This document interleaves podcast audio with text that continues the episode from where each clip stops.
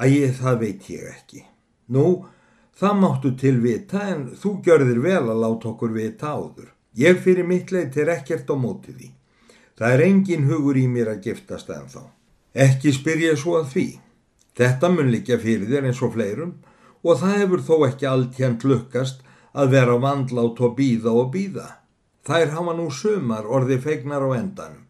Já, kista á endan á þeim til að fá þá sem voru talsvert verið en hinnir sem þar höfðu áður neytað. Hvað segir þú hjarta mitt um þetta gjaford fyrir Stínu? Ég held ég segi lítið, ég ekki hana öldungis ekki á það, en viljum það endilega sjálf, þá mun verða bátt að standa á móti því. Það er langt frá að ég vilji það endilega því að ég er allráðin í að segja nei.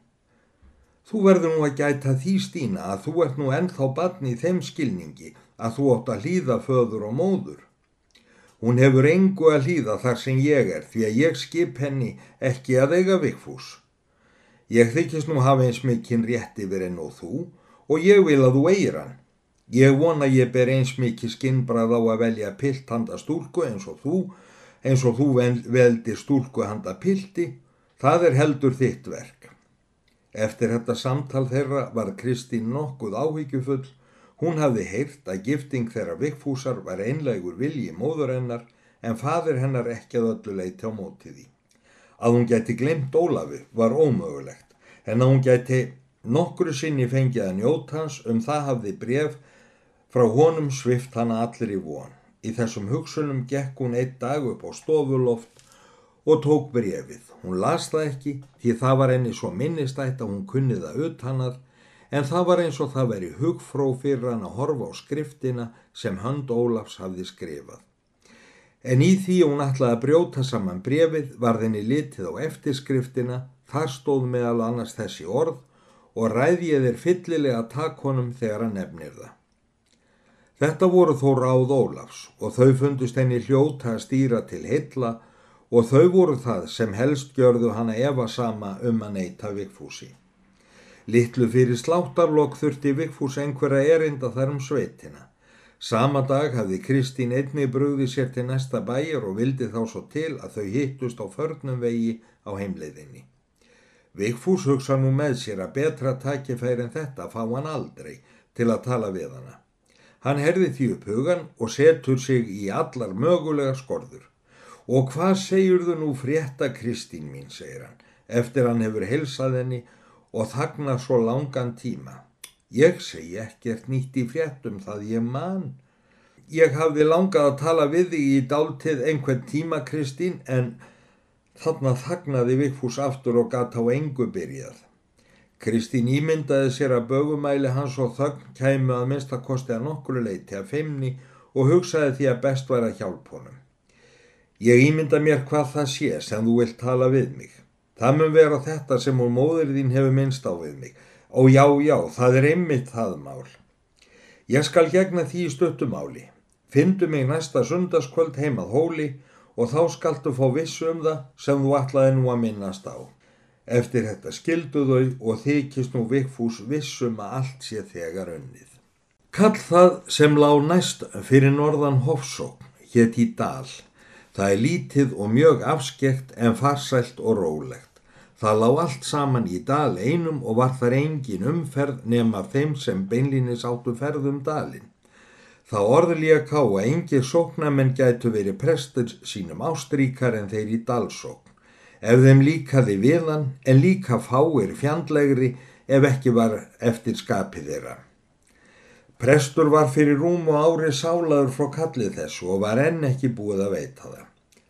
Sérabjarni og hofi sótt um dal, þótti honum það bæði hægt þar sem heldur hörnað honum hilsan og svo afsýðist því að hann vildi sem mest draga sig úr öllum skarkala síðan að misti Ólaf. Næsta kall fyrir sunnan hof hétt Kvammur. Þar var þá aldur nýjum prestur er hér var komið sögum. Hann þótt að unga aldir nokkuð mikilfengur og ófyrirleitin og ekki löst við að menn vildu segja þegar hann eldist að lengi livði í góðum eldsklæðum. Drikkveldur var hann í meira lagi og ekki meira en í meðalagi klerkur og sömur voru þeir sem sögðu að ekki þér sér að styrbyrni Svo hétt presturinn jafn byllt við þó að messufall kæmi fyrir eður þótt óskýrt barn sálaðist eins og ef ekki guldust allar tekjur press til síðasta skildings. Enda var hann maður stórauðugur en ekkert síður en vinsæl af sóknabörnum og svo hvað ramt af því að þeir sögðunum að vís væri blessaðu biskupin til að gefa presti löst frá ennbættistríði hans ef þeir beittu þess. Og fyrir þá sög vildi styrbjörn prestur ekki lengur eiga undir góðmennsku þeirra heldur reyndi að fá sér annað kall. Að sönnu reyndi hann sé ekki eins mikið á bóngæslu biskups eins og sóknarbændur hans og vildi því í fyrstum sinn reyna á annan háttabæta kjör sín en beinlínis byggja biskupin. Hann vildi nefnilega fá brauða skipti við einhvern prest í þeirri von að eðsti prestur og öldungarnir ekki yrðu því mótfallnir. Förstu daginn næstan á undasunnudeginum sem Kristín hafði sett vikfúsi stefnumótið fjekk hann bref og var hann þá orðin svo vel að sér að hann þekkti að það var hönd grímúls fornvinar hans og spáði hann sér litlu góðu af því eigað síður opnaðan brefið og les. Ástkæri vinur, ég var orðin hrettur um að þú væri ekki lengur meðal hinn að lifandi þar sem ég hafði ekkert bref fengið frá þér og ætlaði ég ekki að segja þér hversu harmþrungin ég var orðin en ég get ekki spurt uppi að þú enn lifir og það í blóma og ókvað ég glattist. Ég veit að þú hefur skrifað mér vinnur og sendt mér skildingana því að það var ekki líkt trúfasta hjartanu þínu að pretta mig um það. En þar ég hef engin nota því sem ég fæ aldrei þá verð ég enn að ítrekka við þig að senda mér þetta, oft um talaða lítilræði, það hefur nú að sönnu aukist áltið, því að síðan ég skrifaði þér seinast hafa áfallið nýja rentur og rentur, rentur og rentur, rentur, rentur. Þetta var nú orðið nokkuð mikið, en af því að vinur minn á í hlut, þá ætla ég að, ég að vera eftirgemanlegur og ef þú sendir mér nú það bráðasta 20 dali, þá ætla ég að gjöra mig ánaðan. Þú ert þá í standi til að gjöra hvað mína setna. Ég er nú hættur að fá til áns upp á þetta sem okkar fer á milli. Þeir segja glóparnir arna að þú ætlaðir að svíkja mig og það þykir mér þungt að heyra að talað um annan eins mann. Bregðist mér það, mót von minni, að þú minnist mín kem ég að gamni mínu að finna þig. Ég hef minnst á það við fógetan að ég kannski ferðist, ekki sama hvert, og þá gefur hann mig lausan og ókeipis leiðarbref. Mikið er nú talað um hvarf Ólafs sáluga félagaðins og hefur fógetinn mikið spurt mig að hvort ég ekki þekki neitt mannin sem fyrstur koma sjónum og eftir Ólafi. Ég hef afið það fyrir honum eins og, og enn gjur ég það þanga til ég fæ frá þið línu. Þar í getur þú drepið á hvað þú vilt að ég skuli segja því viðvíkjandi. Vertu æfinlega sæl þess óskar heitt elskandi vinnurðinn grímúlfur. Það var eins og það ætlaði ekki úr að aka fyrir vikfúsi. Þegar hann hafði náð sem rólegust um geðsmunum sínum og dálti fymtist yfir ergjur þær sem viðburðirni smátt og smátt orsökuðunum, þá kom oftast nýtt og nýtt atvik sem endurvækti harmaðans en eitti allri rósemi. Þegar hann var búin að lesa brefið var hann í hennu verstaskapi. Hann þóttist sjá ekki myndi annað hjálpa en að senda grímúlfi peningana. Þótt það væri nú bleiðun að löst af honum að heimta 20 dali þá var það nokkur megin víst að hann var, var ekki hættur tilkallinu og myndi ekki gera fyrir en þær veru goldnir. Vigfús skildi heldur ekki í öllum þessum rentureikningi og sá að grímúlfur hlaut að þekka hvað allt betur úr því að hann var skrifstofugengin og hverfissi nema krafan væri eftir því rétt. Líka var það áriðandi öðru leiti að halda vináttu yfirskinni við hann fyrstum sinn. Vikfús var því kunnugur að sér að Bjarni skrifaði oft söður og vissi öðru fremur ef að ferðir fjallu. Hann tekur því það ráð að hann rýður um kvöldið að hofi að spurjast fyrir hjá presti. Þegar hann kom að hofi sá hann að ljós var í stofu og þóttist nú vita að gestur væri komin og það einhver af heldra tæginu. Hann gengur enga síður inn og er sér að bjarni í stofunni og styrbjörn nábúa prestur hans. Vigfús heilsar þeim og taka þeir því vel. Vigfús ber nú fram erindi sín og spyr prest eftir hvort hann ekki vitininn að fer til Reykjavíkur því að ég þurfti að skrifa þanga kunningja mínum heldra manni, segir hann. Ekki veit ég það núna sem stendur vikfúsgóður en gjörðu nú svo vel fyrir mig og verdu prestinu til skemtunar meðan að hann fer ekki að hátta, ég er svo lasin að ég beði að fyrirgefa þótt ég fari bróðir. Það gjörir ekkert bróðir, ég skemti mér við þennan heiðusmann. Vigfús sá að sér að styrbjörn var mikið drukkin og þryggja pela flaska full á borðinu og þótti honum meiga vel við að komast í kunningskap við bæði þegar hann var nú í raunum sínum.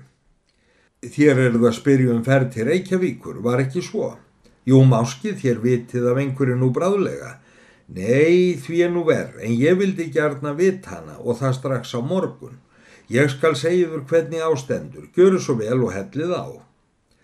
Það stendur nú svo á ferminni hingað skal ég segja þur að ég var að byggja ennbættusbróður minn um brauðaskipti, en hann er svo kærleikslaus að hann neytar mér. Ég á ekkert víst að fá hof þó að hann fái dal, en fyrst hann hefur sinjað mér, þá væri best að fengja dúsa kyrr og er mér í huga að sækja á mót honum og vita hvernig fer. Ég held það fari fullvel að hann hangi hérna, hann er nú einna þeim sem aldrei eru ánægðir.